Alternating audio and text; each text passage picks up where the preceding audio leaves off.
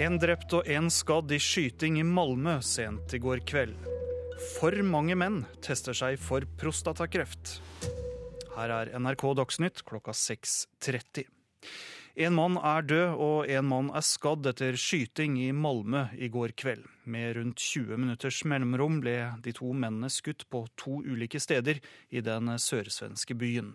Svensk politi kan ikke si om det er noen sammenheng. Litt før klokken 22 i går kveld får Skånepolitiet melding om skudd i Fosiveien i Malmö. De rykker ut og finner en blødende mann, men som er ved bevissthet når han fraktes til sykehus.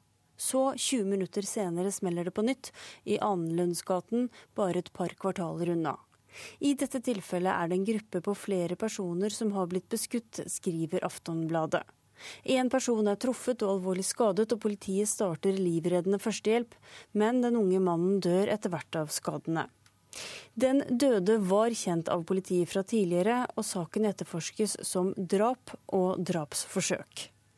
Ingen er pågrepet i noen av de to sakene, og motivene for de to skyteepisodene er ukjent. Men gjengrelatert vold har blitt et økende problem i flere svenske storbyer. Tidligere denne uken ble to menn skutt og drept i Gøteborg. Det sa reporter Tonje Grimstad. 17 personer er evakuert etter at det begynte å brenne i et bolighus i Moss for om lag en time siden. Det var to personer i huset da brannen startet, og det var lenge fare for at brannen skulle spre seg.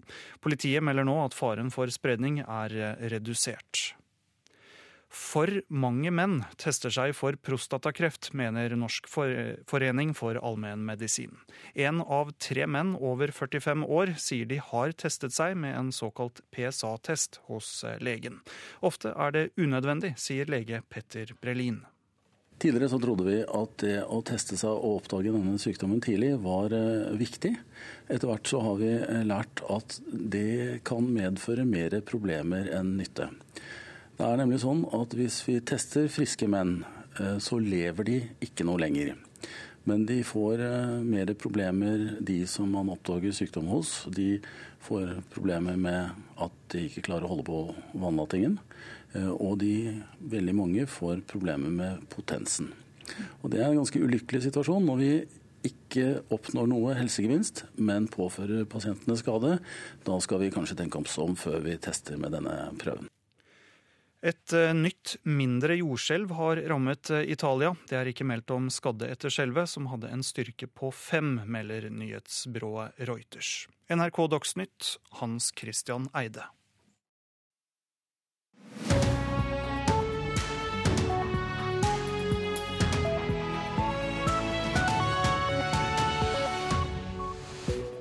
Det er disse sakene du får høre mer om i Nyhetsmorgen. Syriske opprørere i Aleppo avviser Russlands krav om at de skal trekke seg ut av byen innen i kveld. Russisk flåtestyrke er på vei til Syria. Italiensk politi har mishandlet migranter for å tvinge dem til å avgi fingeravtrykk, hevder Amnesty International. Politiet i Norge trenger klarere regler for hvordan de kan bruke informanter i kriminelle miljøer, mener Advokatforeningen. Og barn og ungdom dropper å ta astmamedisin for ikke å bli stemplet som juksemakere.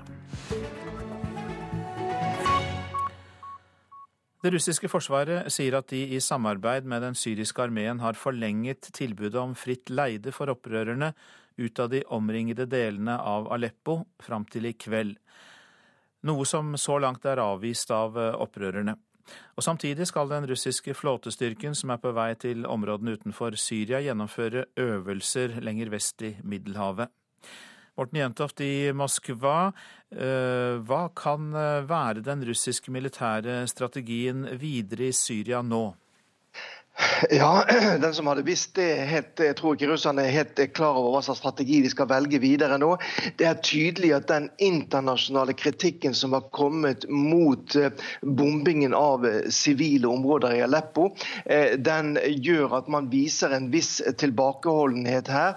I natt så gikk det russiske forsvarsdepartementet ut med en ny pressemelding, undertegnet pressetalsmann Igor Konasjenkov, der han sa at russerne fullt og helt da respekterer da, denne stoppen i bombingen av områdene rundt Aleppo gjentok da, som du sa, at russerne holder åpne korridorer for både opprørere som kan komme ut av Aleppo med sine våpen, og sivile.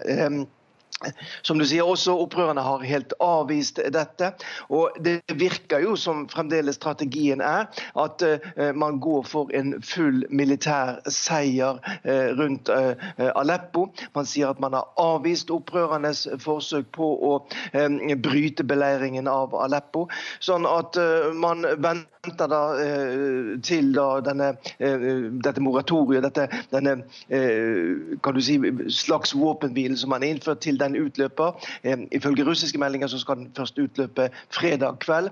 og Så får vi se hva som skjer etter det, om man da vil sette i gang et fullt militært angrep da på, på den delen av Aleppo som kontrolleres av opprøret. Så er det dette med krigsskipene som er på vei inn i området, bl.a. et eh, hangarskip. Eh, kommer de til å bli satt inn i angrepene på Aleppo? Eh, de fleste eksperter tror ikke at de direkte kommer til å bli satt inn i eh, angrepene, men eh, både russiske og utenlandske medier melder at det er flere angrepsubåter som er med i denne flottiljen. To av dem er atomdrevne. De er blant de mest moderne i det russiske forsvaret av typen Nakola. De er utstyrt med krysserraketter. og Det er jo mulig at disse da vil bli brukt da i et, hvis det blir da et altomfattende angrep da på, på Aleppo. Men først og fremst så mener man her at dette er da for å vise styrke for å matche amerikanernes sjette flåte i Middelhavet. Eh, at, at eh, denne flåtestyrken er sendt til området.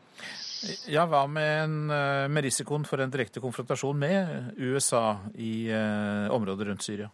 Ja, Det er jo veldig mange russere som er uh, redd for det. En meningsmåling som er offentliggjort nå uh, i går, uh, viser at hele, nesten hver annen russer er redd for at det som nå skjer rundt Syria, det kan faktisk lede til en tredje verdenskrig. Og Det er, har jo vært en økende krigsfrykt her i Russland de siste ukene for at det kan bli en direkte konfrontasjon i Syria. Ikke minst etter dette utspillet fra den amerikanske presidentkandidaten Hillary Clinton om å innføre en flyforbudssone over Syria. Det vil jo være som, nærmest som en krigserklæring da mot, uh, mot Russland. Så uh, det er veldig mange som er redd for at det kan bli en direkte konfrontasjon. Ikke minst også fordi at uh, amerikanerne og russerne da nesten ikke snakker sammen heller lenger når det gjelder å finne en, en løsning på Syria. Mange takk skal du ha, Morten Jentoft i Moskva. Nå til Italia. Italiensk politi har mishandlet migranter for å tvinge dem til å avgi fingeravtrykk. Ja, det hevder Amnesty International i en ny rapport. Amnesty skriver i rapporten at migranter forteller at italiensk politi har både slått dem og gitt dem elektriske støt. Dette skal ha skjedd etter at enkelte migranter har nektet å avgi fingeravtrykk, fordi det vil gjøre det vanskeligere for dem å komme seg videre og søke asyl i andre land. Amnesty mener dette er EUs skyld, som har lagt hardt press på Italia for å redusere migranters mulighet til å reise videre til andre EU-land. Resultatet er at traumatiserte mennesker som kommer til Italia etter tøffe reiser, blir utsatt for mangelfulle undersøkelser og i noen tilfeller forferdelig misbruk fra politiet, i tillegg til ulovlig utvisning, sier Amnesty Internationals Italia-researcher Matteo Dubeles og vi ble orientert av Tonje Grimstad. Etter NRKs opplysninger i går om en politiinformant som frykter for livet, er det kommet reaksjoner. Politiet trenger klarere regler for hvordan de kan bruke informanter i kriminelle miljøer. Det mener lederen i forsvarergruppen i Advokatforeningen, Marius Ditriksson. Han etterlyser en lovregulering. Vi er nå på et område hvor det er behov for lovregulering. Marius Dittriksson, leder av forsvarergruppa i Advokatforeningen, mener bruken av informanter i politiet må lovreguleres. I dag er informantinstruksen unntatt offentlighet, og ingen andre enn politiet har kjennskap til den. En NRK-journalist gjengir orda til ei utenlandsk kvinne. I går fortalte Dagsrevyen at hun lever i skjul fordi hun hevder det kriminelle miljøet rundt henne har avslørt at hun er informant for politiet. Advokaten til kvinna er kritisk til at politiet ikke har hjulpet henne da hun ble utsatt for grov vold. Men etter det NRK kjenner til, mener politiet at det ikke er samarbeid med dem som gjør at hun har blitt overfallen. Ditriksson i Advokatforeninga er på generelt grunnlag skeptisk til politiet sin bruk av informanter. Det er sterke betenkeligheter knyttet til at eh, i hvert fall i det ytre kan se ut som om politiet kjøper seg forklaringer eller materiale som de ønsker å bruke i en etterforskning. Eh, det setter bevisene under press, og det er ikke gitt at de er gitt uten en viss interesse, og det er ikke gitt at de er riktige. Politiet vil ikke kommentere enkeltsaker i sitt informantarbeid, men politiinspektør Einar Aas understreker at metoden er viktig for politiet. På generelt grunnlag så tror jeg det er viktig å understreke at informantbehandling er en ulovfestet men godt innarbeidet metode som er viktig for politiet. Og La meg legge til at eh, vi ikke har erfaringer med at eh, noen er avslørt som følge av et eventuelt samarbeid med politiet. Og ser tydelig på at informantarbeid generelt er krevende. Det ligger i sakens natur at uh, vi opererer i vanskelig terreng. Vi på egen seksjon opererer opp mot tunge kriminelle miljøer. Og det vil alltid foreligge både skjulte og åpne motiver for et eventuelt samarbeid med politiet. Den kvinnelige informanten hevder politiet lover å hjelpe henne med opphold i Norge. Hun er her ulovlig. NRK har tilgang på mange timer med lydopptak av telefonsamtaler mellom kvinner og politiet.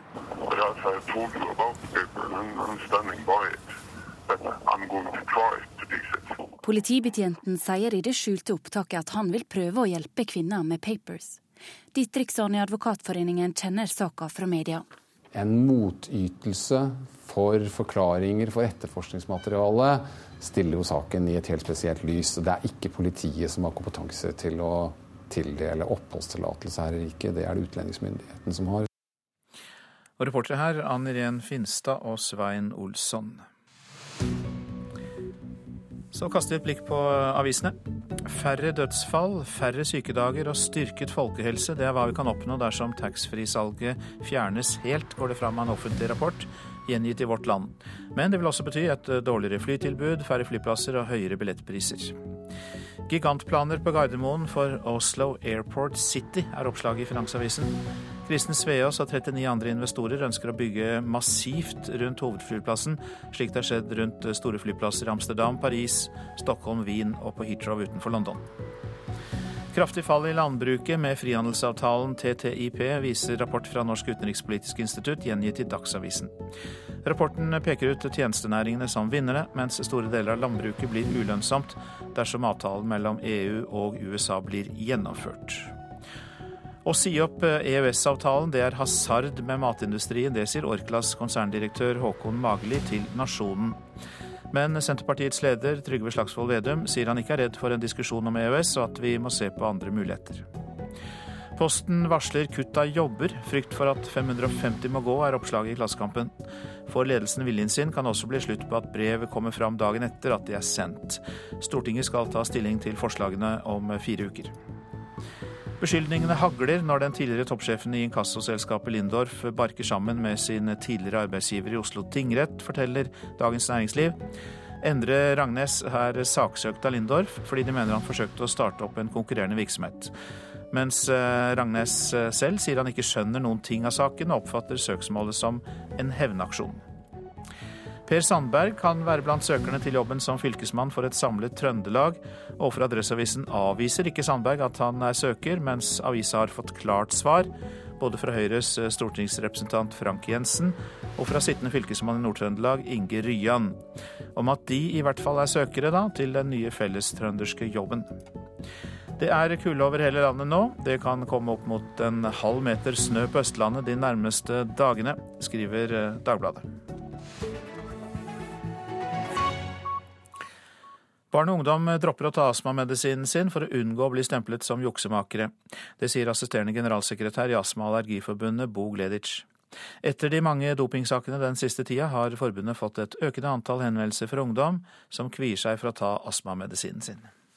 Ja, den senere tid er det noe som har begynt å oppta oss. Vi har nemlig begynt å få tilbakemeldinger fra eh, foreldre og ungdom som de etter hvert begynner å se er flaue over å ta medisinen sin. Særlig i forbindelse med eller rett før eh, idrettsarrangementer etc. Og Det er jo kanskje fordi de er redd for å bli stemplet som, juksemakere. Det er i hvert fall blitt belastende å måtte ta astmamedisin i forbindelse med idrett. Og det syns vi er veldig skremmende hvis det begynner å bre om seg. De er rett og slett redde for å få et slags dopingstempel på seg?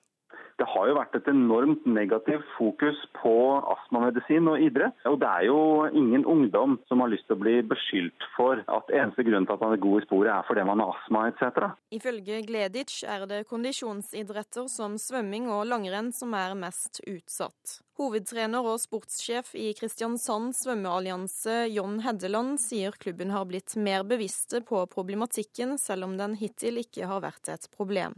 Vi har fått det med oss, hva som har rørt seg i media. Vi har uh, hatt det opp i en eh, bisetning i forhold til samtale. At, uh, at det er til syvende og sist utøverne som er ansvarlig hva de får i seg.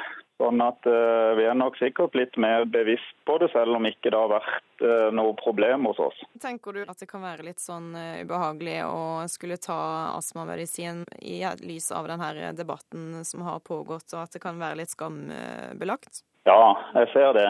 Du kan jo sikkert bli stempla som du kan i mange andre sammenhenger. Men eh, noen trenger astmamedisin i forhold til eh, lege og det å fungere normalt. Og da ser jeg det helt greit at de, at de gjør det, så lenge de holder seg innenfor det som er eh, sagt fra lege. Reporter var Elise Rønnevik Andersen. Og skiskytter Tiril Eckhoff velger å droppe astmamedisin pga. stigmatiseringen rundt medikamentet, til tross for at hun har en astmadiagnose. Det sier hun til Aftenposten. 26-åringen har brukt Atrovent, som er grønnlistet på Antidoping Norges medisinliste. Den norske landslagsmodellen for alpint er god, men den må tilpasse seg markedet. Det mener NRKs langrennsekspert Fredrik Aukland etter at det ble kjent at alpinisten Henrik Kristoffersen går til sak mot Skiforbundet, som nekter ham å inngå personlig avtale med Red Bull. Det kunne vært løst uten å gå rettens vei, mener Aukland. Jeg tror eh, den norske landslagsmodellen er viktig å ivareta. Samtidig må vi se de utviklingene som skjer i markedet om dagen, og finne modeller som gjør at det er løsbart. Både å satse på bredde, toppidrett, og ta vare på stjernene våre, som er forbilder, og ikke minst viktige personer for rekruttering av skiidrett. Henrik Kristoffersen går altså rettens vei for å få klarhet i om han kan inngå en personlig sponsoravtale med Red Bull, slik som Aksel Lund Svindal har gjort, og som Petter Northug har gjort med sin sponsor. Og ifølge flere jurister NRK har snakket med, så har Christoffersen en god sak. NRKs alpinkommentator Kjetil André Aamodt har stor forståelse for at Christoffersen ønsker likhet for alle. Jeg tror alle utøvere ønsker å ha samme retningslinjer. Så det er jo et problem Norges Skiforbund har. Ikke, man skal ikke peke på noen av utøverne her. Uh, og så er det jo sånn at det er litt todelt også. At uh, det er andre utøvere enn Henrik Kristoffersen som også presterer veldig godt på det laget. Som også har muligheten til sånne type avtaler, som kanskje ikke saksøker Norges Skiforbund.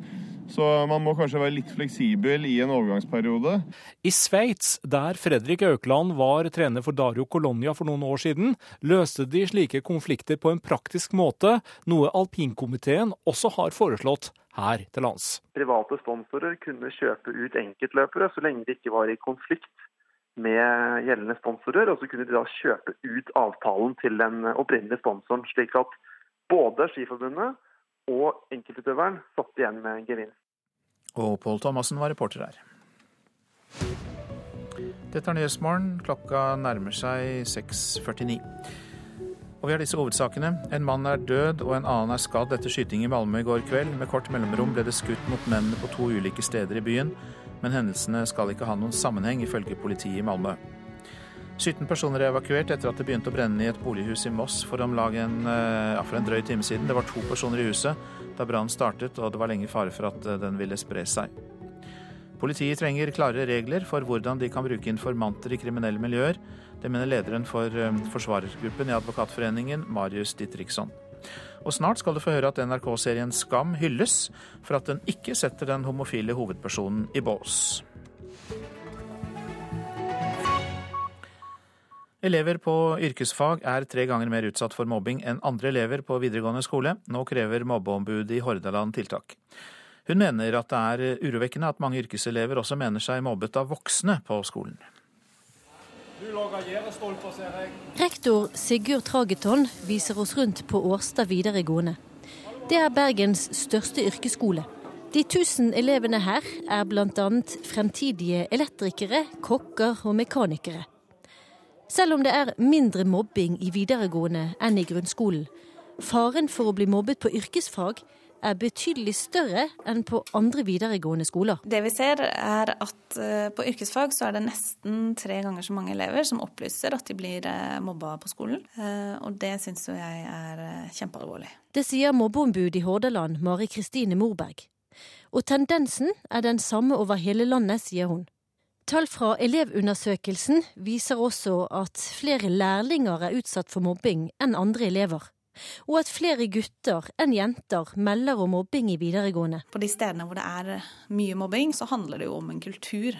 Og det kan jo bestå av mye. Eh, hva slags omgangsform man har, hvordan man snakker til hverandre. Det vi ser er at i alle de sakene jeg har hatt, så, så er jo digital eh, mobbing en del av det. Eh, og det er også noe av det jeg peker på i min rapport om at dette må være et innsatsområde. Fordi det er økende. De krenkelsene vi ser her i Hordaland, men også i hele landet, er økende. I dag presenterer Morberg mobbetallene og sine erfaringer for skolepolitikerne i Hordaland. Hun krever økt fokus på mobbing i yrkesfagene. Rektor Sigurd Tragiton sier Årstad videregående har fokus på mobbing.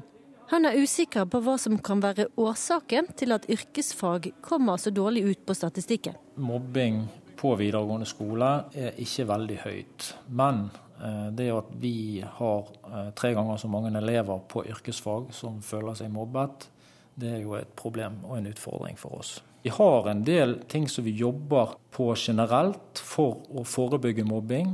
Og vi prøver å være raskt oppi det når eh, vi oppdager ting som ikke er som det skal være. Elevrådsleder Emil Nyborg har selv opplevd å bli mobbet på barneskolen. Derfor er arbeid for å forhindre mobbing noe han har brukt mye tid på som elevrådsleder. Ja, fordi jeg har sett, eh, jeg har sett vinklene. Jeg har sett eh, hvordan det er, og jeg har følt hvordan det er å bli mobbet. Og jeg vet hvor vanskelig det er for en person vi lever jo i 2016, og det er jo et helt annet miljø enn hva det var for ti år siden. La oss si eh, et byggfag, f.eks. Du har ikke den mest avanserte hammeren eller verktøyet, eller du har ikke beste, den beste uniformen. Eh, frisøren, f.eks. Altså, du klarer ikke å klippe så godt, og da se på den klippen. Eh, og det er blikk, og det er kommentarer, og det, det, er slik det er i dag. Og det er veldig vanskelig å forhindre, men det kan alltid finnes tiltak som gjør at det blir mindre av den type mobbing. Reportasjen var laget av Siri Løken. Dramaserien Skam hylles for at den ikke setter den homofile hovedpersonen Isak i bås.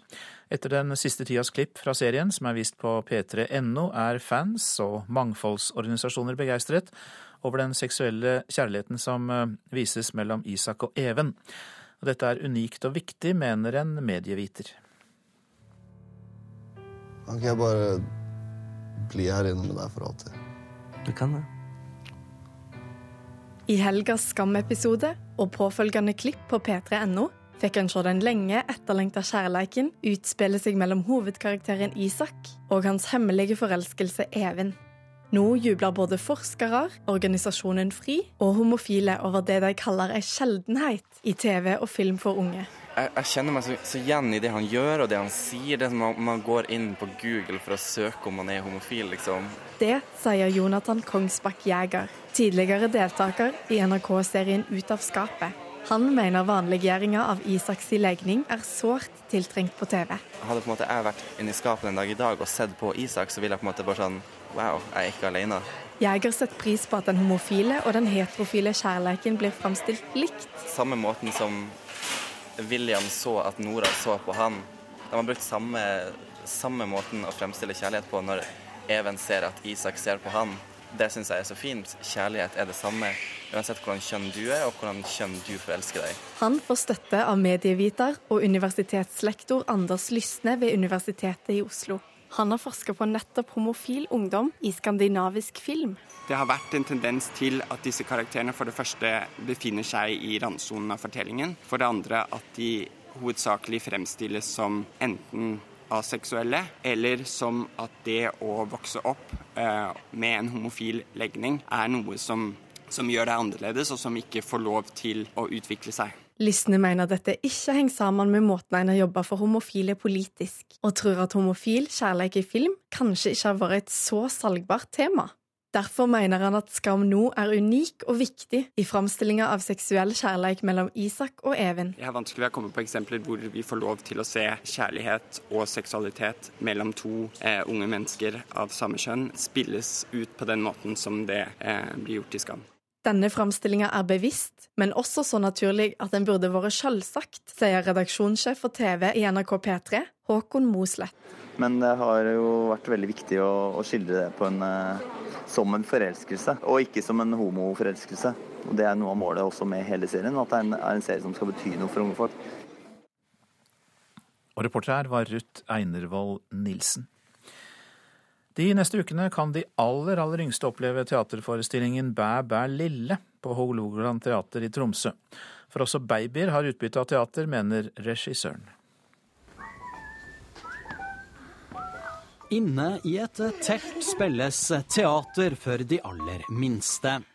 Det er sanselig og visuelt og har garn som gjennomgangstema. Det er jo ingen som har så mye strekka klær som de i alder 0 til 3 år. Hvis noen, en unge skal bli født, så bare begynner alle mulige folk å strekke som egentlig ikke kan strekke. For man vil liksom ha lyst til å vise kjærligheten i de strekkeplaggene som man da gir til de som er født.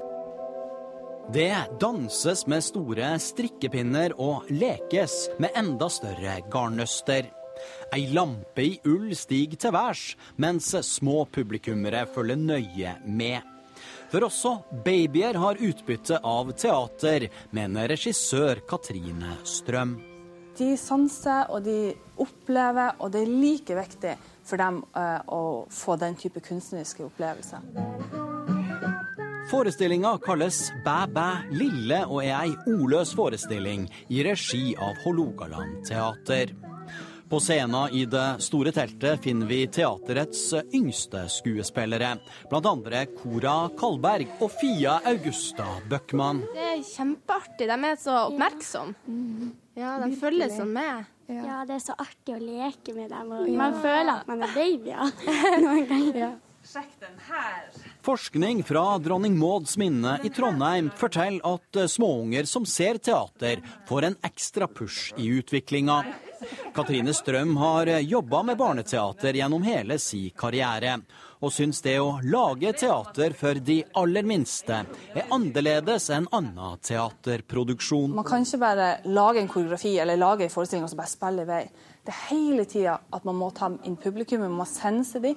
Er, liksom, er det mange som er redd, så må vi kanskje dempe spillet. Er de veldig modige og vil ha mer, så kan man gi på litt. På tampen et lite møte mellom publikum og aktører og med spente foreldre som Kristina Olsen og Anette Alsvåg på sidelinja. Jeg ser jo at hun var veldig opptatt av det som skjedde på scenen. Jeg syns de har fanga alle ungene her inne kjempebra. De blir jo kjempeengasjert og satt veldig veldig konsentrert. Og de har ikke lyst til å gå når de bare går etter disse unge skuespillerne. Det er jo veldig fint å tenke på at kanskje lager vi her i dette rommet her barn sitt første møte med kunsten. Det er ganske fint, og det er ganske viktig. Ja, de tankene hadde regissør Katrine Strøm ved Lille Hålogaland teater i Tromsø. Reporter Rune Norgård Andreassen. Værvarselet nå. Fjell i Sør-Norge, delvis sol, men om kvelden litt snø lengst i nord. Østafjells til dels pent vær til å begynne med, men noe mer skyet utover dagen. Kanskje lette regnbyger langs kysten av Sørlandet etter hvert. Vestlandet sør for Stad for det meste skyet eller delvis skyet opphold, men enkelte regnbyger i ytre strøk, til dels som snø i høyden. Trøndelag og Møre og Romsdal for det meste skyet vær og noe regn eller sluddbyger med snø i høyden. Men det blir lite nedbør lengst nord i Trøndelag. Nordland og Troms ser vi samlet, og der blir det kort og godt oppholdsvær og en del sol. Finnmark skyet vær, og i ytre strøk øst i Finnmark enkelte sludd- eller snøbyger. Og vi går ut til Spitsbergen, som får skyet oppholdsvær. Temperaturer klokka fire. Svalbard lufthavn minus tre, Kirkenes minus én, Vardø pluss én, Alta minus tre, Tromsø minus seks, Bodø pluss to, Brønnøysund pluss tre, Trondheim minus én, Molde null. Bergen pluss én, Stavanger pluss fire. Kristiansand-Kjevik minus to, Gardermoen minus fire. Lillehammer minus fem, Røros er nede i minus elleve og Oslo-Blindern minus to.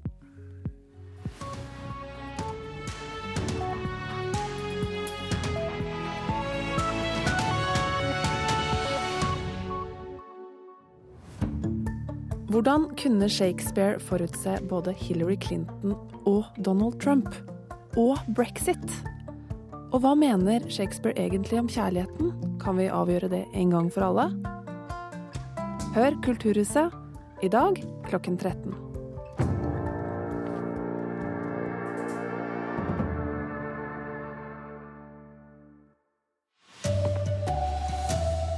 Politiet må ha klare regler for hvordan de bruker informanter i kriminelle miljøer, mener Advokatforeningen. Og barn og ungdom kvier seg for å bruke astmamedisin i frykt for å bli stemplet som juksemakere. Her er NRK Dagsnytt klokka sju. Politiet trenger klarere regler for hvordan de kan bruke informanter i kriminelle miljøer. Det mener lederen i forsvarergruppen i Advokatforeningen, Marius Didriksson.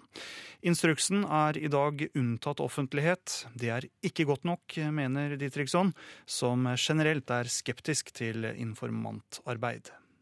Det er sterke betenkeligheter knyttet til at eh, i hvert fall i det ytre kan se ut som om politiet kjøper seg forklaringer eller materiale som de ønsker å bruke i en etterforskning.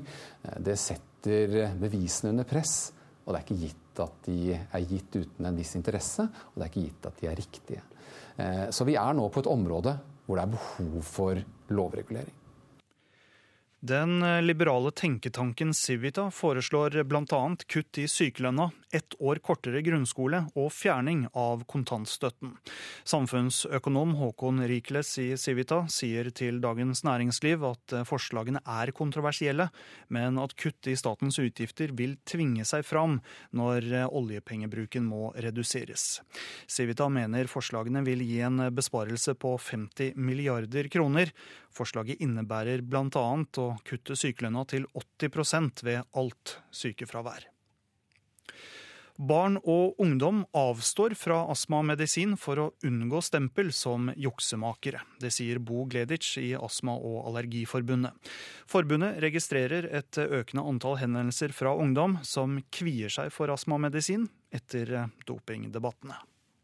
Ja, den senere tid er det noe som har begynt å oppta oss. Vi har nemlig begynt å få tilbakemeldinger fra eh, foreldre og ungdom som de etter hvert begynner å se er flaue over å ta medisinen sin. Særlig i forbindelse med eller rett før eh, idrettsarrangementer etc. Og Det er jo kanskje fordi de er redd for å bli stemplet som, som juksemakere. Det er i hvert fall blitt belastende å måtte ta astmamedisin i forbindelse med idrett. Og det syns vi er veldig skremmende hvis det begynner å bre om seg. Det sa Bo Gleditsch i Astma- og Allergiforbundet. Minst elleve personer omkom og 50 ble skadd i en togkollisjon i Karachi i Pakistan. Det ene toget skal ha stått stille på stasjonen da det ble påkjørt. All togtrafikk inn og ut av Karachi er nå stanset etter ulykken. Det melder lokale medier. NRK Dagsnytt, Hans Christian Eide. Og Nyhetsmorgen fortsetter med disse sakene. Oljeprisen kan kollapse og norsk ledighet stige, advarer oljeekspert. Nervøsiteten er stor foran skjebnemøtet i OPEC. Mange menn tester seg unødvendig for prostatakreft, mener Norsk forening for allmennmedisin. Rettssaken mot islamisten Ubaydullah Hussein starter i dag. Risikerer tolv års fengsel for terrorrekruttering. Og vi skal høre om skolen som har Pokémon Go på timeplanen. Oljeprisen kan kollapse om ikke oljekartellet OPEC blir enige om å kutte i oljeproduksjonen. Det advarer oljeanalytikere foran skjebnemøtet i oljekartellet denne måneden. Stiger ikke oljeprisen snart, kan også norsk økonomi være i fare.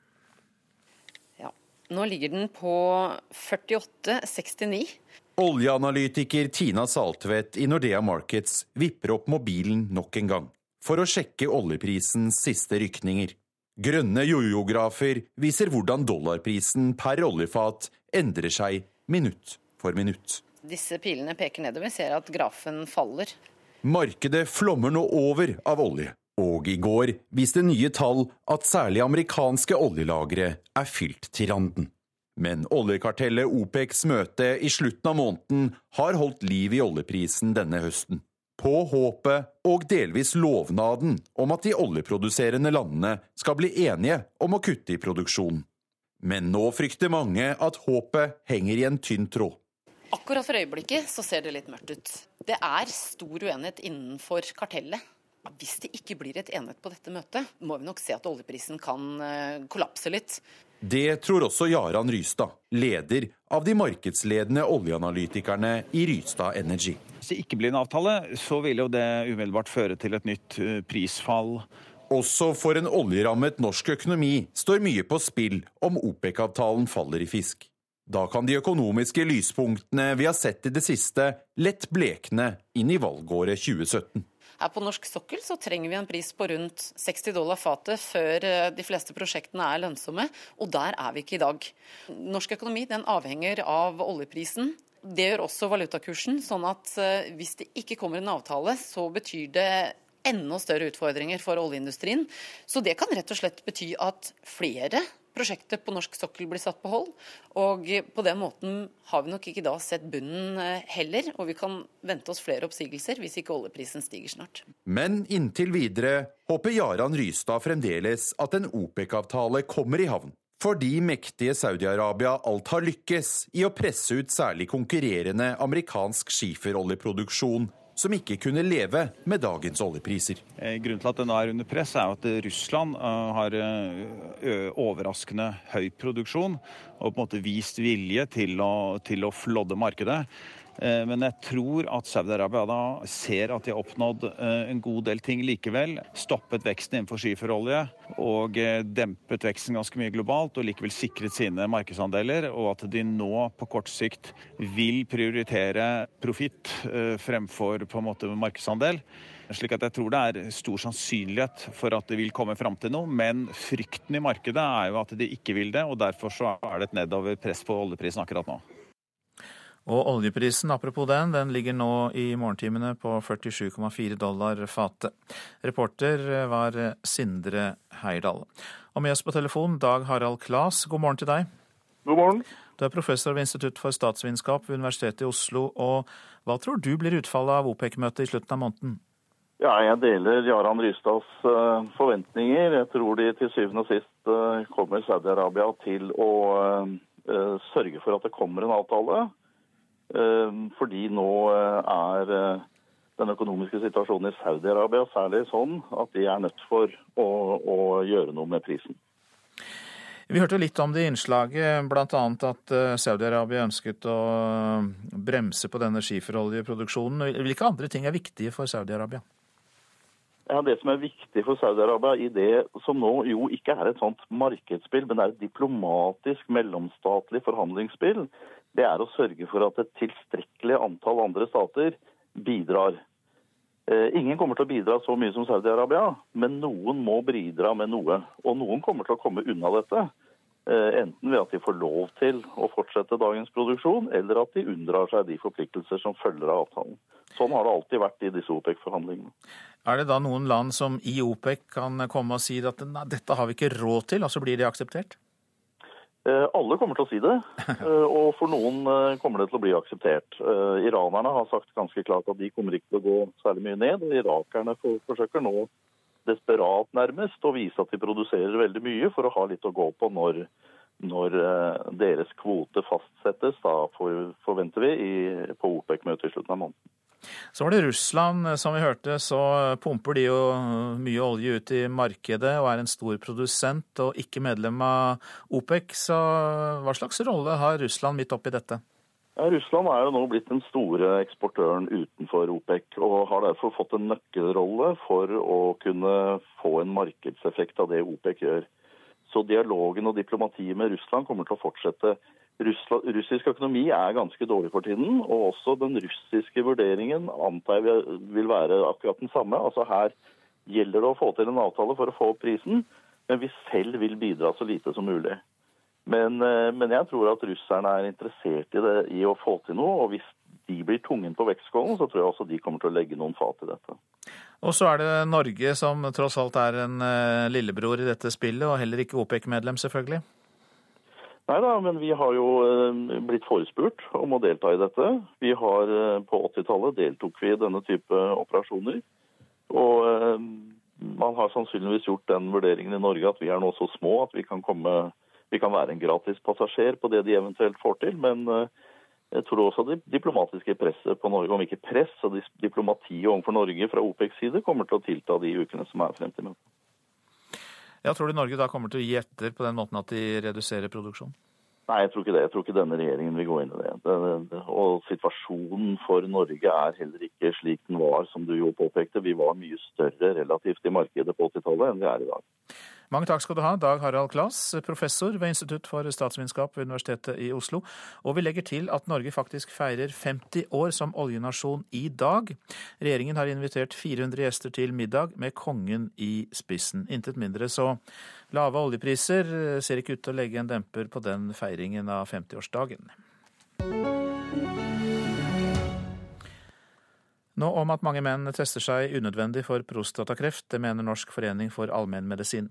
En av tre over 45 år har faktisk testet seg for prostatakreft med en såkalt PSA-test hos legen. Men å ta den testen er ikke nødvendigvis en god idé, ifølge lege Petter Brelin. Vi vil tilby, men ikke anbefale. Altfor mange tester seg for prostatakreft, mener leder for Norsk forening for allmennmedisin Petter Brelin. PSA-testen klarer ikke alltid å skille mellom snill og slem kreft, og dermed får mange menn en behandling de kanskje ikke hadde trengt.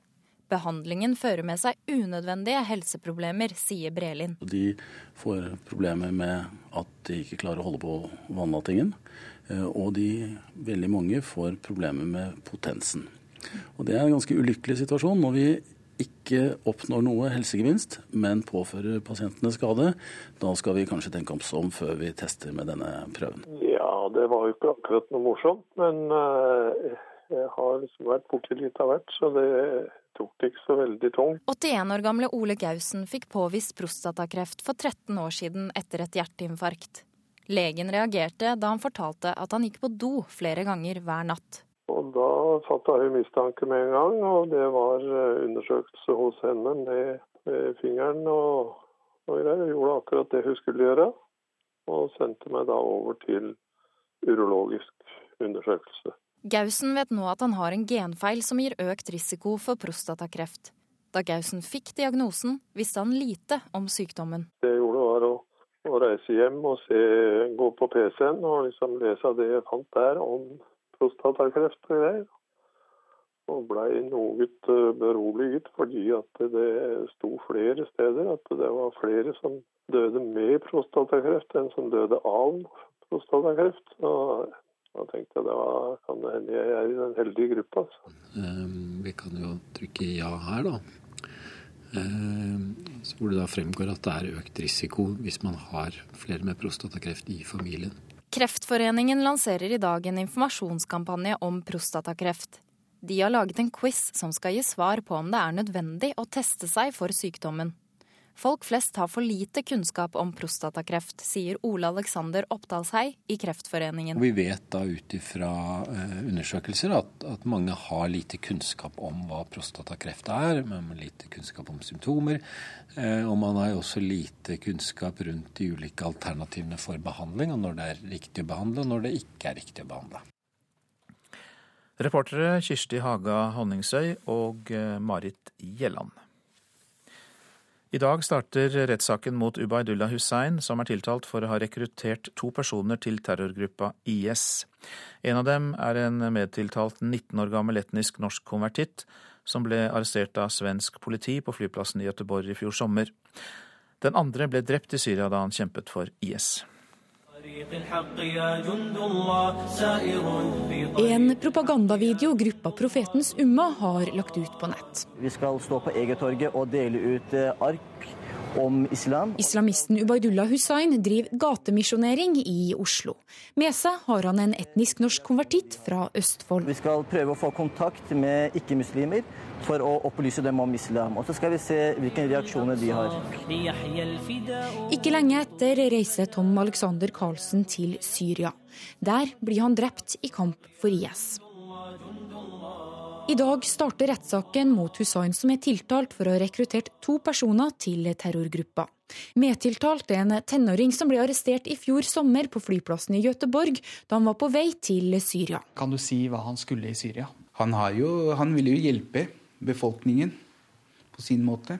Sier 19-åringens forsvarer Javid Shah. Hadde han eh, planer om å knytte seg til noen terrorgruppe? Som nevnt så erkjenner han ikke straffskyld. Nei, Min klient har nektet straffskyld for de postene som er i denne tiltalebeslutningen. Sue Hussains forsvarer Jon Christian Elden. Hussain er i tillegg tiltalt for å støtte og lagt til rette for reiser til flere andre fremmedkrigere som har dratt fra Norge til Syria. Eh, han mener at han aldri har vært medlem av eller tilsluttet eh, IS, og det er hovedpunktet i eh, tiltalebeslutningen. Den øvre strafferamma for det Hussain er tiltalt for, er tolv års fengsel. Statsadvokat Fredrik Ranke er spent på utfallet av rettssaken. Det er første gang noen er tiltalt for å ha rekruttert personer til en terrororganisasjon. Og det blir interessant eh, å la retten få avgjøre hva grensen for rekruttering er. Reportere Olav Døvik og Marit Gjelland. Og her i Nyhetsmorgen skal vi straks høre mer om krigen mot IS i Mosul. Dette er hovedsaker nå når klokka har passert kvart over sju. Oljeprisen kan kollapse og norsk ledighet stige, advarer oljeekspert. Nervøsiteten er stor foran skjebnemøtet i OPEC. Prisen er i morgentimene 47,4 dollar fatet. En mann er død og en annen er skadd etter skyting i Malmö i går kveld. Med kort mellomrom ble det skutt mot mennene på to ulike steder i byen, men hendelsene skal ikke ha noen sammenheng, ifølge politiet i Malmö. Mange menn tester seg unødvendig for prostatakreft, hørte vi. Det er Norsk forening for allmennmedisin som mener det. En av tre over 45 år har testet seg for prostatakreft med såkalt PSA hos legen. Og politiet trenger klarere regler for hvordan de kan bruke informanter i kriminelle miljøer. Det mener lederen av forsvarergruppen i Advokatforeningen, Marius Ditriksson. Nå Irak. Den islamske staten forsøker å samle ungdommer på skoler i Mosul for å bruke dem til menneskelige skjold. Samtidig har lederen for IS sagt at IS-styrken ikke skal overgi seg, men kjempe til siste mann. Han ber dem også om å angripe Tyrkia. Korrespondent Kristin Solberg, du er i Erbil i Nord-Irak. Hva er de siste informasjonene du har om bruk av sivile som menneskelige skjold i Mosul? Ja, Det kommer rapporter fra Mosul om eh, at IS forsøker å tvinge sivile til å flytte på seg og samle seg i skoler. De fleste skal nekte, eh, nekte å gjøre det. Dette jo, eh, understreker jo den bekymringen FN tidligere har uttrykket om at IS bruker menneskelige, menneskelige skjold. Og mennesker jeg har snakket med forteller også det samme, at, at IS gjør det og forsøker forsøker å bruke sivile eh, og plassere dem rundt strategiske militære installasjoner. Og IS-leder al-Baghdadi ber eh, IS-soldatene om å kjempe til siste mann. Eh, hva tror du om de vil gjøre det eller ikke? Ja, Det kommer fram i en, i en melding, et lydklipp fra IS-lederen, som eh, er blitt offentliggjort eh, nå. Det er et en halvtimes lang lydklipp der IS-lederen eh, høres selvsikker ut. og Der eh, oppfordrer han sine krigere til å, til å, kjempe. og Han sier det er mer ærefullt å holde sine posisjoner enn å flykte i skam. Og Det at han kommer og sier det, kan tyde på at han ønsker å holde eh, moralen oppe i, eh, i, eh, i, en tid der IS er under stort press. og Hvis de mister Mosul, så det et, vil det være et betydelig nederlag for dem. Nå er det slik at rapport, Rapportene fra Mosul tilsier at det, det er ikke mange IS-krigere som har flyktet. og De aller fleste eh, er der og, og kommer, til å, kommer antagelig til å fortsette å være der og kjempe mot de irakske styrkene etter hvert som de trenger seg inn i byen. Og Styrkeforholdet blir jo veldig viktig i denne kampen. Hvor mange IS-krigere er det da i forhold til irakiske regjeringsstyrker? Ja, De er langt, langt underlegne. Det er ca. 40 000 irakske styrker som kjemper om Mosul. Eh, og Til sammenligning så er det da rundt 58 000 IS-krigere. Det er det anslagene sier, men helt sikkert eh, vet man jo ikke. Så IS er underlegne i antall. De er også underlegne i militært utstyr. De har f.eks. ikke luftstyrker, slik som, eh, slik som, de irakske styrkene har, har, tilgang til. Men det er jo slik at IS bruker andre taktikker. De bruker miner, de minelegger veier og, og landsbyer. Og de har vi også sett at eh, de bruker eh, avledningsmanøvre, slik at de angriper andre steder i Irak. Det så vi jo for et par uker siden, eh, hvor de startet et stort angrep i byen Kirkuk og drepte mange regjeringsstyrker der. Og I tillegg så har de jo hatt god tid til å forberede seg på denne offensiven. Den har jo vært varslet i, i snart to år.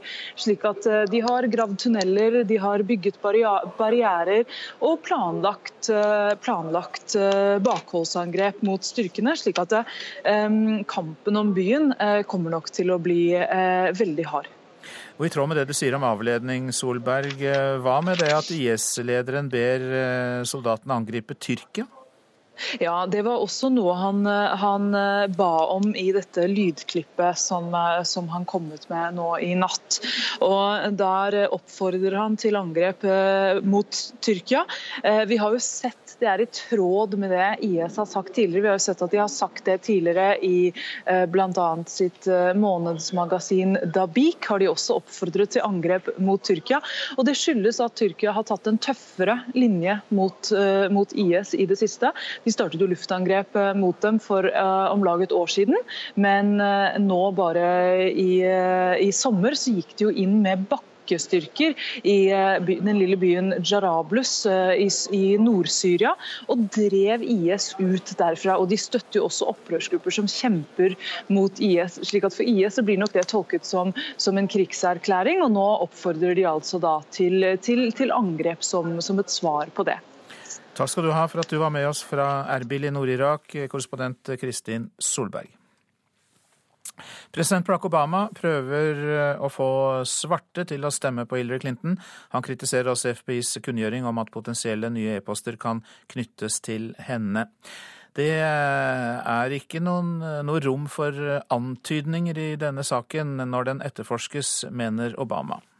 I've made a very deliberate effort to make sure that I don't look like I'm meddling in Presidenten kommer med de første kommentarene om FBI og e-postskandalen i et intervju med Now This News. Han sier at han ikke ønsker å blande seg inn i prosessen, men at han ikke synes det var ryddig, skinner igjennom.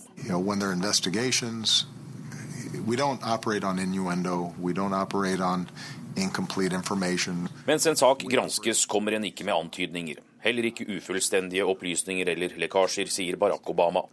Avgjørelsen om å orientere Kongressen om at det er funnet nye e-poster, bryter med FBIs tradisjoner om å holde tett om pågående granskninger og politisk sensitive kunngjøringer rett før et presidentvalg.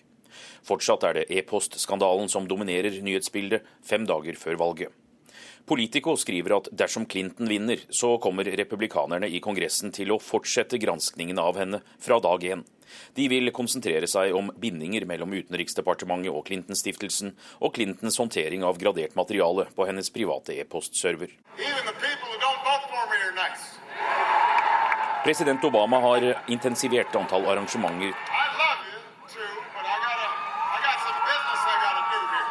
til støtte for Hillary Clinton og demokratenes kongresskandidater. Han skal være ute i felt hver dag til valget, bortsett fra en hviledag lørdag. Presidenten er bekymret for de svarte forhåndsstemmene, og prøver å få folk som støttet ham, til å gi samme støtte til Clinton. I Tom Joiners morgenshow her i landet, den første svarte som har et nasjonalt syndikert radioprogram, ber Obama om hjelp.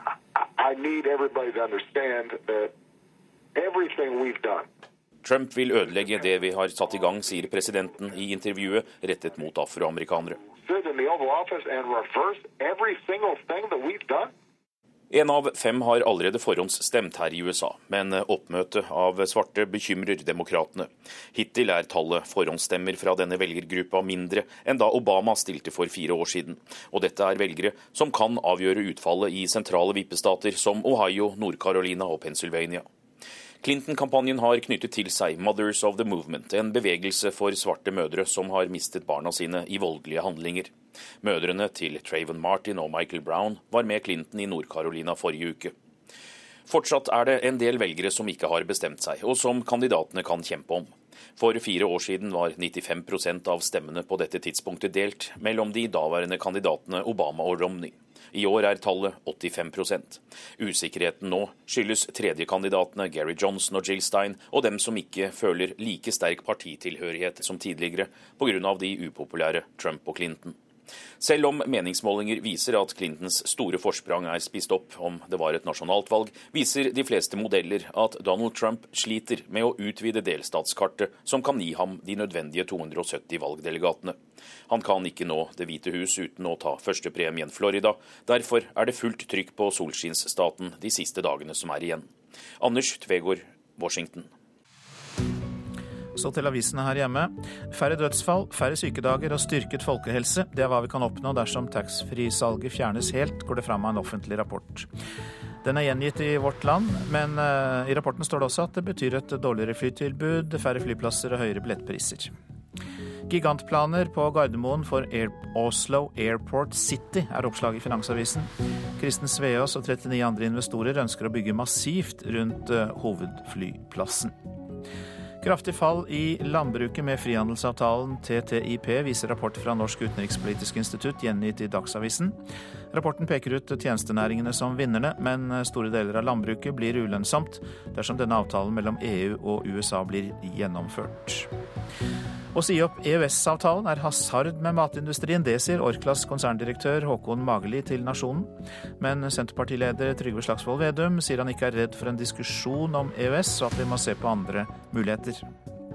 Posten varsler kutt av jobber. Frykt for at 550 må gå, er oppslaget i Klassekampen.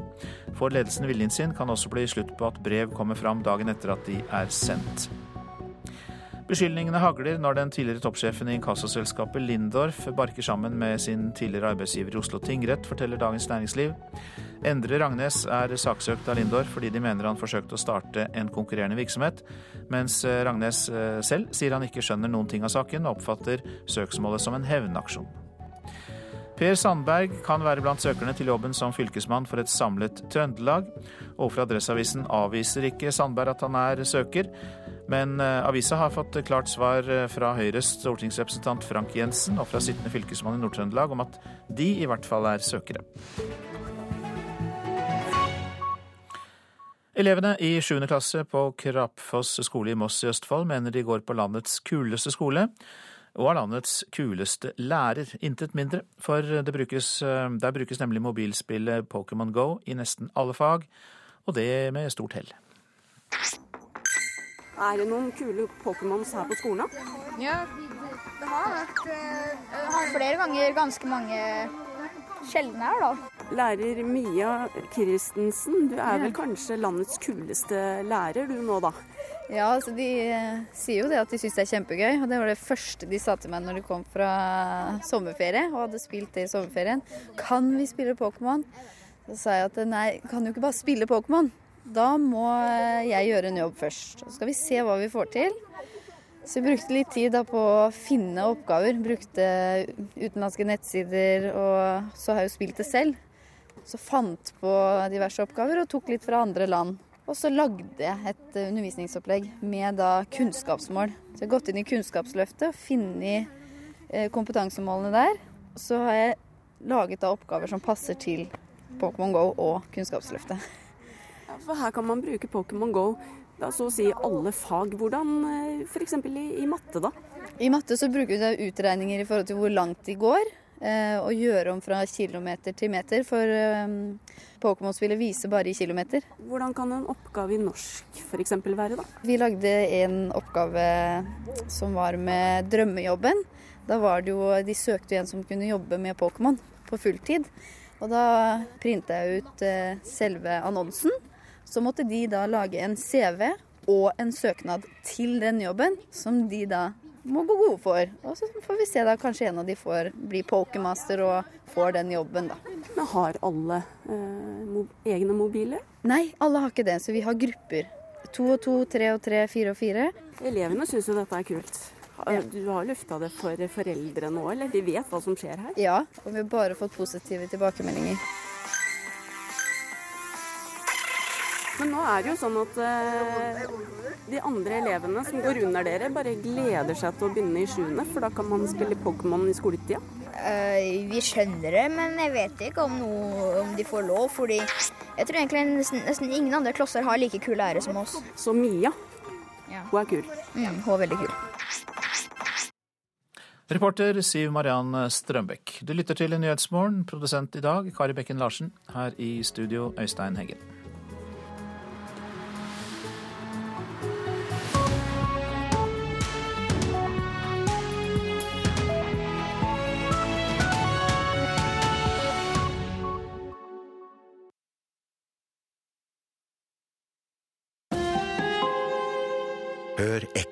Hva er du god på?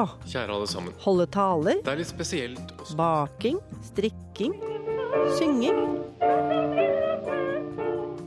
Er du sikker på at du er god på det? Noen mangler fullstendig selvinnsikt og kan ta skikkelig feil. Ekko 9 til Mange menn tester seg for prostatakreft. Helt unødvendig, mener allmennmedisinere. Oljeprisen kan kollapse og arbeidsledigheten stige, advarer oljeekspert. Nervøsiteten er stor foran skjebnemøtet i OPEC. Og den populære NRK-serien Skam får ros fra homofile. God morgen, her er NRK Dagsnytt klokka 7.30. Altfor mange menn tester seg for prostatakreft, mener Norsk forening for allmennmedisin. Én av tre menn over 45 år sier de har vært hos legen og testet seg med en såkalt PSA-test. Ofte er det helt unødvendig, sier lege Petter Brelin. Vi vil tilby, men ikke anbefale. Altfor mange tester seg for prostatakreft, mener leder for Norsk forening for allmennmedisin Petter Brelin. PSA-testen klarer ikke alltid å skille mellom snill og slem kreft, og dermed får mange menn en behandling de kanskje ikke hadde trengt. Behandlingen fører med seg unødvendige helseproblemer, sier Brelin. De får problemer med at de ikke klarer å holde på vannlatingen. eh, Og de, veldig mange får problemer med potensen. 81 år gamle Ole Gausen fikk påvist prostatakreft for 13 år siden etter et hjerteinfarkt. Legen reagerte da han fortalte at han gikk på do flere ganger hver natt. Og da fatta hun mistanke med en gang, og det var eh, undersøkelse hos henne med, med fingeren og, og greier. Hun gjorde akkurat det hun skulle gjøre, og sendte meg da over til urologisk undersøkelse. Kreftforeningen lanserer i dag en informasjonskampanje om prostatakreft. De har laget en quiz som skal gi svar på om det er nødvendig å teste seg for sykdommen. Folk flest har for lite kunnskap om prostatakreft, sier Ole Alexander Oppdalshei i Kreftforeningen. Vi vet da ut ifra eh, undersøkelser at, at mange har lite kunnskap om hva prostatakreft er. Man har lite kunnskap om symptomer. eh, Og man har også lite kunnskap rundt de ulike alternativene for behandling, og når det er riktig å behandle, og når det ikke er riktig å behandle. Reportere her var Kirsti Haga Honningsøy og Marit Gjelland. Oljeprisen kan kollapse om ikke oljekartellet OPEC blir enige om å kutte i oljeproduksjonen. Det advarer oljeanalytikere foran skjebnemøtet i OPEC senere denne måneden. Om ikke oljeprisen stiger snart, så kan også norsk økonomi være i fare. Ja, nå ligger den på 48,69. Oljeanalytiker Tina Saltvedt i Nordea Markets vipper opp mobilen nok en gang for å sjekke oljeprisens siste rykninger. Grønne jojografer viser hvordan dollarprisen per oljefat endrer seg minutt for minutt. Disse pilene peker nedover. Vi ser at grafen faller. Markedet flommer nå over av olje. Men oljekartellet OPECs møte i slutten av måneden har holdt liv i oljeprisen denne høsten. På håpet og delvis lovnaden om at de oljeproduserende landene skal bli enige om å kutte i produksjonen. Akkurat for øyeblikket så ser det litt mørkt ut. Det er stor uenighet innenfor kartellet. Hvis det ikke blir et enighet på dette møtet, så må vi, må vi nok se at oljeprisen kan eh, kollapse litt. Det tror også Jaran Rystad, leder av de markedsledende oljeanalytikerne i Rystad Energy. Hvis det ikke blir en avtale, så vil jo det umiddelbart føre til et nytt eh, prisfall. Også for en oljerammet norsk økonomi står mye på spill om OPEC-avtalen faller i fisk.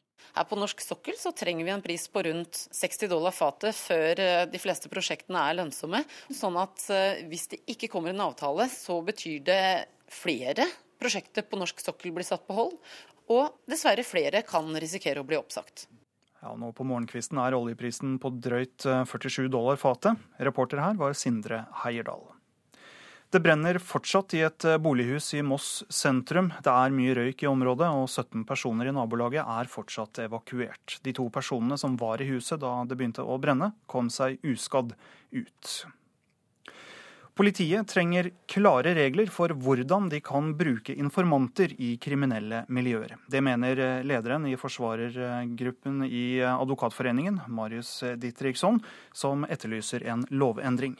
Vi er nå på et område hvor det er behov for lovregulering. Marius Ditriksson, leder av forsvarergruppa i Advokatforeningen, mener bruken av informanter i politiet må lovreguleres. I dag er informantinstruksen unntatt offentlighet, og ingen andre enn politiet har kjennskap til den. En NRK-journalist gjengir ordene til ei utenlandsk kvinne. I går fortalte Dagsrevyen at hun lever i skjul fordi hun hevder det kriminelle miljøet rundt henne har avslørt at hun er informant for politiet. Advokaten til kvinna er kritisk til at politiet ikke har hjulpet henne da hun ble utsatt for grov vold. Men etter det NRK kjenner til, mener politiet at det ikke er samarbeid med dem som gjør at hun har blitt overfallen. Ditriksson i Advokatforeninga er på generelt grunnlag skeptisk til politiet sin bruk av informanter. Det er sterke betenkeligheter knyttet til at i hvert fall i det ytre kan se ut som om politiet kjøper seg forklaringer eller materiale som de ønsker å bruke i en etterforskning. Det setter bevisene under press, og det er ikke gitt at de er gitt uten en viss interesse, og det er ikke gitt at de er riktige. Politiet vil ikke kommentere enkeltsaker i sitt informantarbeid, men politiinspektør Einar Aas understreker at metoden er viktig for politiet. På generelt grunnlag så tror jeg det er viktig å understreke at informantbehandling er en ulovfestet, men godt innarbeidet metode som er viktig for politiet. Og La meg legge til at vi ikke har erfaringer med at noen er avslørt som følge av et eventuelt samarbeid med politiet. Reportere var Anne Ren Finstad og Svein Olsson. I dag starter rettssaken mot den profilerte islamisten Ubaydullah Hussain. Han er tiltalt for å ha rekruttert to personer til terrorgruppa IS. En av dem er en medtiltalt 19 år gammel etnisk norsk konvertitt, som ble arrestert av svensk politi i fjor sommer. Verken 19-åringen eller Hussain erkjenner straffskyld. USAs president Barack Obama reiser nå rundt i vippestatene i et forsøk på å samle afroamerikanske stemmer til Hillary Clinton. Obama kritiserer også FBIs kunngjøring om at potensielle nye e-poster kan knyttes til henne. Det er ikke rom for spekulasjoner når en sak etterforskes, mener Obama.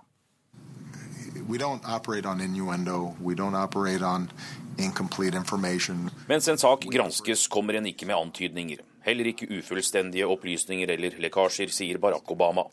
Avgjørelsen om å orientere Kongressen om at det er funnet nye e-poster, bryter med FBIs tradisjoner om å holde tett om pågående granskninger og politisk sensitive kunngjøringer rett før et presidentvalg. President Obama har intensivert antall arrangementer til støtte for Hillary Clinton og demokratenes kongresskandidater. Presidenten er bekymret for de svarte forhåndsstemmene, og prøver å få folk som støttet ham, til å gi samme støtte til Clinton. I Tom Joiners morgenshow her i landet, den første svarte som har et nasjonalt syndikert radioprogram, ber Obama om hjelp.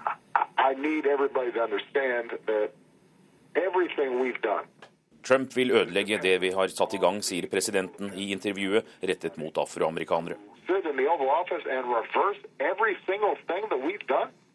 En av fem har allerede forhåndsstemt her i USA, men oppmøtet av svarte bekymrer demokratene. Hittil er tallet forhåndsstemmer fra denne velgergruppa mindre enn da Obama stilte for fire år siden.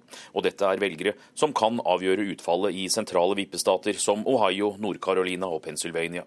Anders Tvegård, Washington. Den populære NRK-serien Skam hylles for eh, homofil hovedperson. Fans og mangfoldsorganisasjoner er begeistret over den seksuelle kjærligheten som vises mellom Isak og Even. Unikt og viktig, mener medieviter.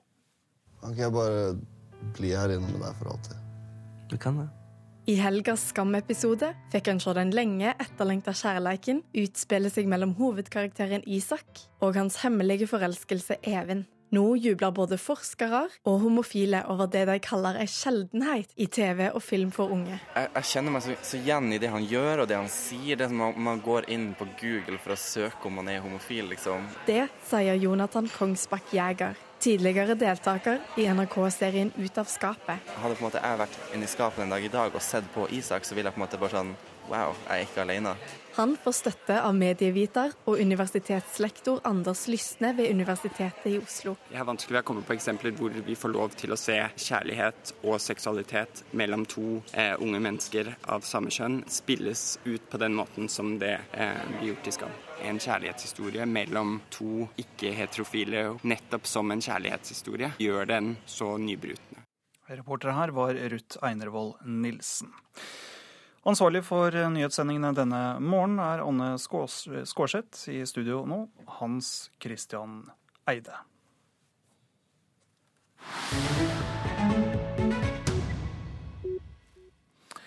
Og vi slår fast at du lytter til Nyhetsmorgen. Så langt i år har amerikansk politi skutt og drept mer enn ett menneske hver eneste dag, og mange har mistet tilliten til det amerikanske politiet. Men det er ikke noe nytt. I flere tiår har svarte i USA følt seg undertrykt av politiet, og spesielt da i Chicago. Der ble Darren Cannon banket, slått, sviemerket og utsatt for falske henrettelser, til han rett og slett ikke orket mer. Og det kostet ham 24 år av livet. Christian Aanesen har laget denne reportasjen. This is the most sadistic one out of all of Peter Dignit. He's the one that put the shotgun uh, to my mouth. Daryl Kennan står på kontoret til People's Law Office i Chicago og peker på strektegningene han laget noen dager etter at de tre politimennene fra Chicago-politiet banket han opp for 33 år siden. 24 av dem har han sittet fengslet. Dømt for et drap han tilsto etter grove overgrep og tortur på et øde industriområde sør for Chicago. They took me to an isolated area uh, out south. Daryl var på ingen måte noen engel. Han var en kriminell gjengleder som akkurat hadde sluppet ut fra et 13 år lang drapsdom. Og dette er ikke et enestående tilfelle. Politiet i Chicago hadde nemlig opprettet et eget Midnight Crew, som ledet av politisjefen selv, John Birch. Og de banket opp tilståelser fra 130 svarte menn i mer enn 20 år. And now we've documented over 130 men who have been tortured by uh, Burge and his associates over the 20 years span. Dette er Flint Taylor, um, Daryls advokat, og som har jobbet med rasistisk motiverte saker i Chicago i et halvt århundre. And the first case I worked on was the Black Panther Party assassination by the police. Han begynte med politiets henrettelse av den svarte lederen for Black Panther Party, Fred Hampton. Så fortsatte han med politiets torturofre, og jobber fortsatt med svarte som blir drept av politiet her i byen. Den eneste forskjellen nå er bare at det finnes håndfaste videobevis. So what has been highlighted here by the videotapes uh, and by the present uh, movement is something that has been historically present uh, during my almost 50 years as a lawyer here in the city of Chicago. Men tilbake på den øde plassen sør for byen opplever Daryl sitt verste mareritt. And they told me the words nigger, listen. And they turned their back med hendene bundet på ryggen presser de tre politimennene en hagle inn i munnen på Daryl, så leppa sprekker og flere tenner blir ødelagt. De fortsetter hele tiden med å komme med rasistiske skjellsord og trusler om å drepe ham. One of the other detectives said, "Go ahead, blow that nigger's head off," and that's when he pulled the trigger. They did this three times. Og da Daryl tenker at dette ikke kan bli verre, så blir det nettopp det. They took an electric caliper and they, they had my pants and shorts down. Han blir slept inn i politibilen, buksene blir dratt ned, og frem kommer en elektrisk svimerker. En sånn som de vanligvis bruker på kuer. When they finally did that, uh, they broke me down enough where I was tired of being shocked. And I said, okay, I'll say anything you want me to say. And that's how the confession came about. Til slutt orker han ikke mer, og sier akkurat det politiet ønsker at han skal si.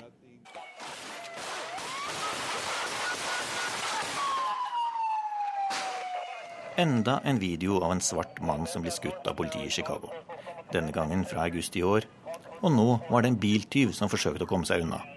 Men mer enn to tiår etter avsløringene om Midnight Crew preges fortsatt politiet i Chicago av rasisme, og det er en dyp mistillit til de som skal håndheve loven. Dette er hovedsakene i Nyhetsmorgen. Oljeprisen kan kollapse og norsk ledighet stige, advarer oljeekspert. Nervøsiteten er stor foran skjebnemøtet i OPEC. Mange menn tester seg unødvendig for prostatakreft, mener Norsk forening for allmennmedisin. En av tre over 45 år har testet seg for prostatakreft med en såkalt PSA-test hos lege. Politiet trenger klare regler for hvordan de kan bruke informanter i kriminelle miljøer. Det mener lederen av forsvarergruppen i Advokatforeningen, Marius Didriksson. Barn og ungdom dropper å ta astmamedisin for å unngå å bli stemplet som juksemakere. Det sier assisterende generalsekretær i Astma- og allergiforbundet, Bo Gleditsch. Så er det Politisk kvarter straks, og der er Bjørn Myklebust programleder.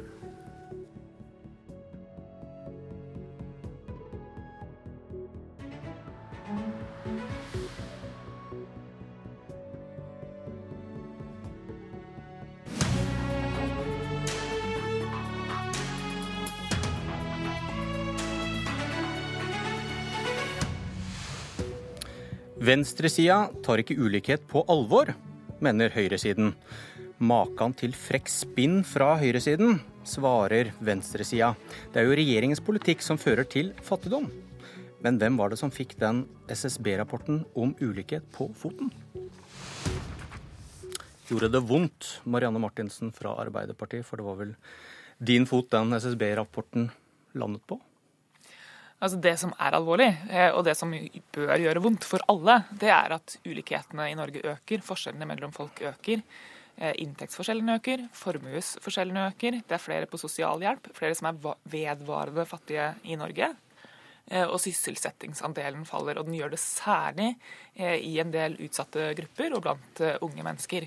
Jeg legger merke til at du ikke begynte å svare på noe om SSV-rapporten, for du, du angrep regjeringen i spørretimen med en rapport om økende ulikhet fra Statistisk sentralbyrå.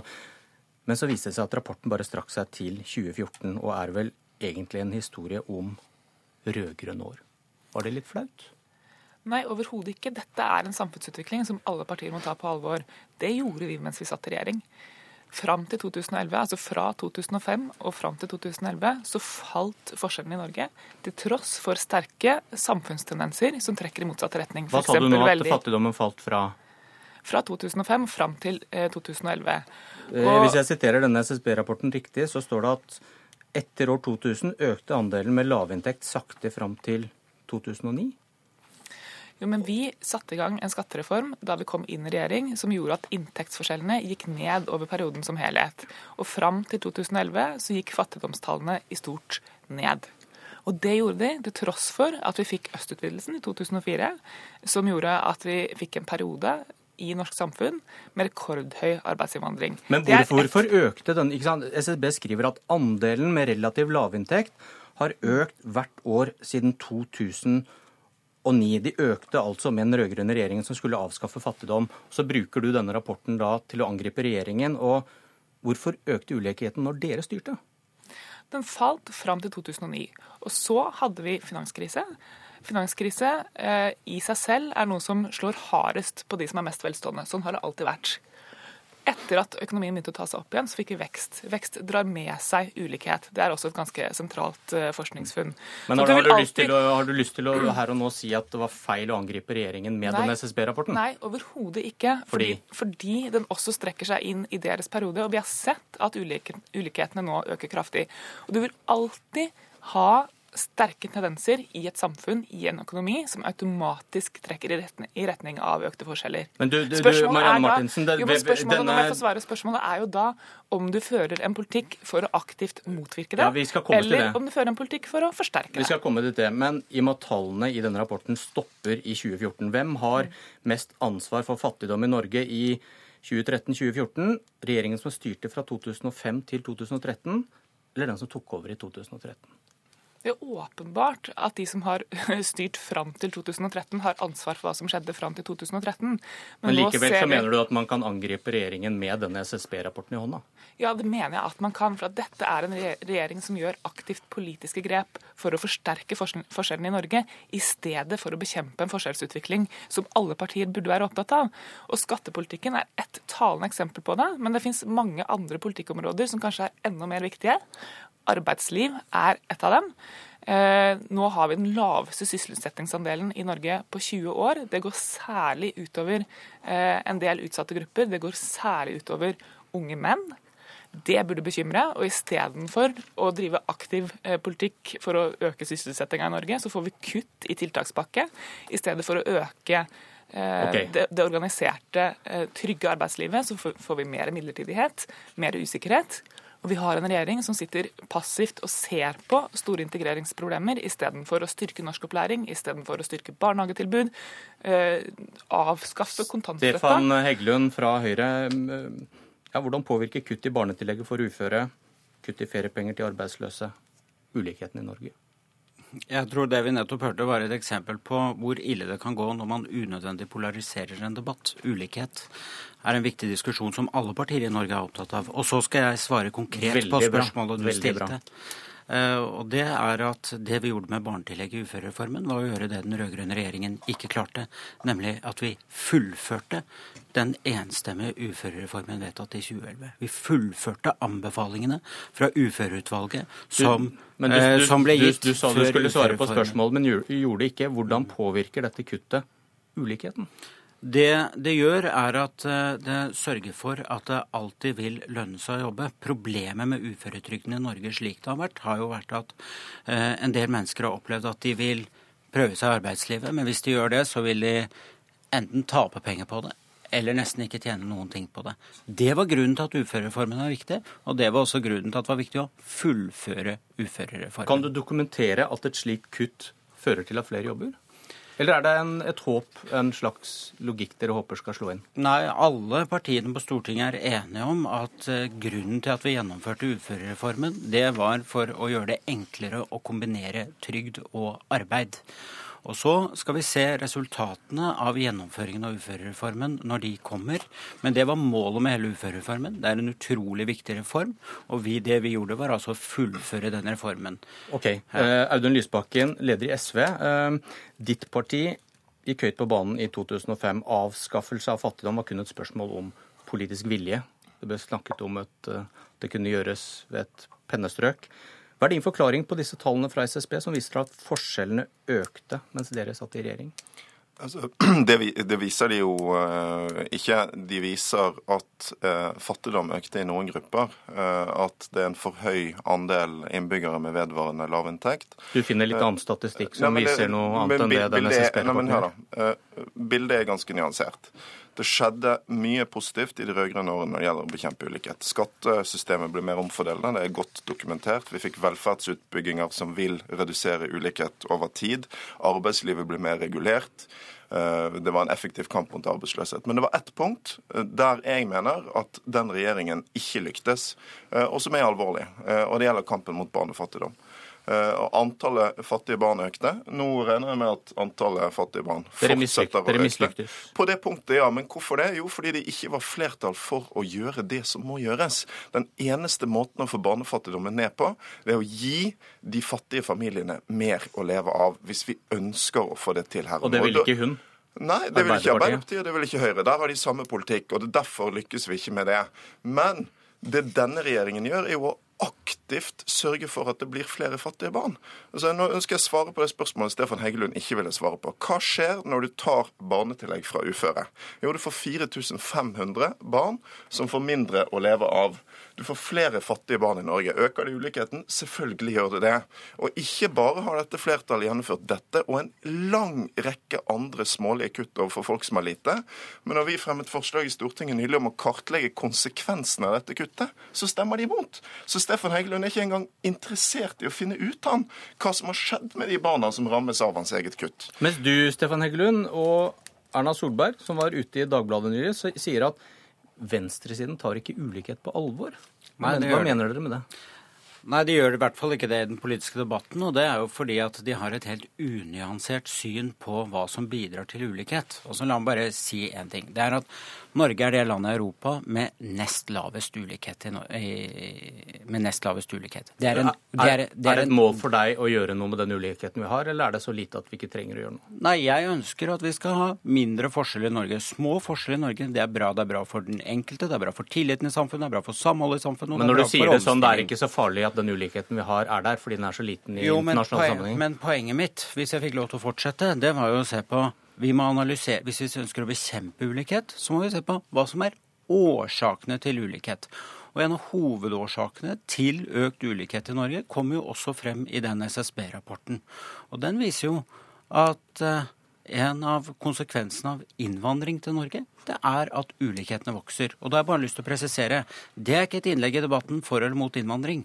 Det er bare å, det er det. Det er bare å komme frem til, med det objektive faktum at ulikhetene øker hvis du har høy grad av innvandring og en dårlig integreringspolitikk. Og da er det viktig for å motvirke ulikhet at vi klarer å løfte flere av de familiene som kommer til Norge, inn i arbeidslivet. Da må du ha en god integreringspolitikk og, og en god utdanningspolitikk. Og det er akkurat disse tingene som regjeringen jobber med. Så det, det er vi som har en aktiv politikk for å motvirke ulikhet, ikke venstresiden. Selvfølgelig gjør vi det. Og det er egentlig ganske, ganske, fantastisk å bli angrepet fra Høyre på å ha en for snever tilnærming til hva ulikhet dreier seg om, eh, når det jo er norske venstresida som gjennom tiår både har brukt skattepolitikken aktivt, men også har jobba gjennom et organisert arbeidsliv. Dere er veldig opptatt av denne formuesskatten og hva det fører til? Jo, men jeg forstår veldig godt at det er ubehagelig for Høyre å stå i en debatt om skattefordeling. Det er ikke det. Dere vil åpenbart ikke snakke om det. Nei, det er veldig behagelig. Det er, det er, de, de, ønsker ikke å snakke om det, fordi at resultatet av det nødvendigvis blir at forskjellene mellom folk øker. Selvfølgelig gjør de det når du deler ut noen kronestykker om dagen til folk flest, mens vi snakker om millioner i løpet av et år til de rikeste i Norge.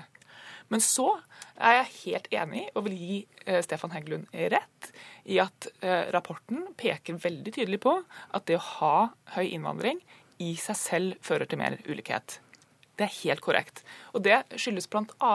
at veldig mange av de som innvandrer til Norge, er eneforsørgere. Det er eh, ett viktig element i denne rapporten. Men da må du ta det på alvor. Da må du faktisk føre en politikk som løfter disse menneskene inn i arbeidslivet, og som sørger for at de kan bli raskt integrert i det norske samfunnet. Det gjør ikke Stefan Heggelund og hans parti. De kutter i norskopplæring. De øker kontantstøtta, som jo er et aktivt virkemiddel for Men å holde folk utafor. Men angrepet om innvandring gikk vel først og fremst til SV, som har en mer liberal innvandringspolitikk enn disse to andre.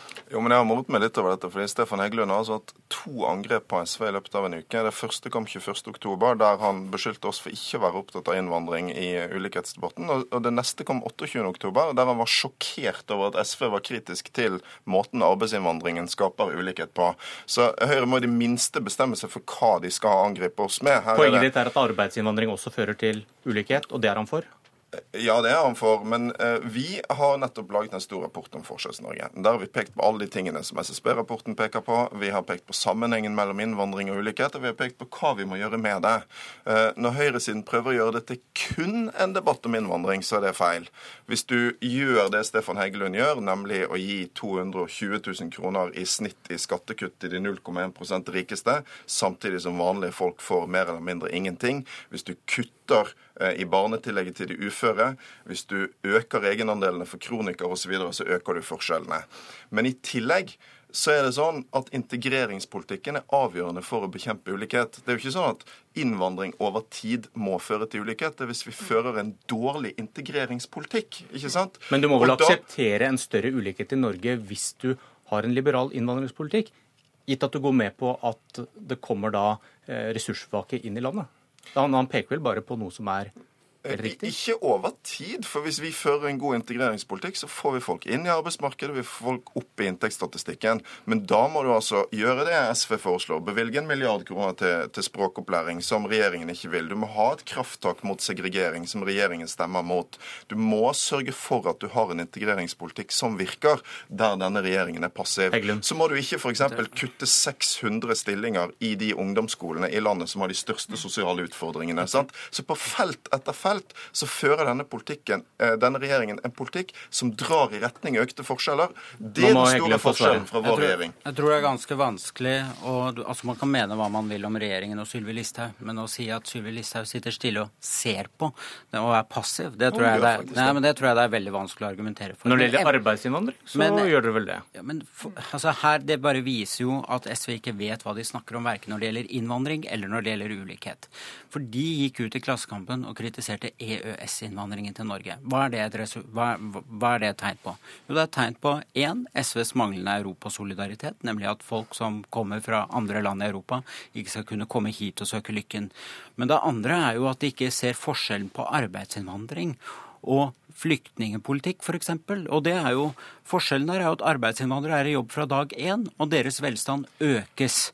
Men, men, SV vet ingenting om å bekjempe forskjeller og ulikhet. Og det er en av de beste måtene å gjøre det en av de, en av de, Men hold opp nå, Audun Lysbakken. En av de beste måtene å bekjempe ulikhet på, det er å arbeidsrette ordninger i velferdssystemet. Gjøre dem slik at de hjelper folk raskere i jobb. Det har vi f.eks. gjort med overgangsstønaden. Hver gang man har endret på den, så har folk kommet raskere inn i arbeid. SV har vært, SV, SV har vært, og det viser veldig tydelig hvem det er som ikke vet hva han snakker om. Siden dere snakker i munnen på hverandre, så må vi nesten avslutte sendinga. Bruker tall som vet, viser at han ikke vet hva han snakker om. Nei, det gjør jeg ikke. Og jeg heter Bjørn Myklebust. Ha det.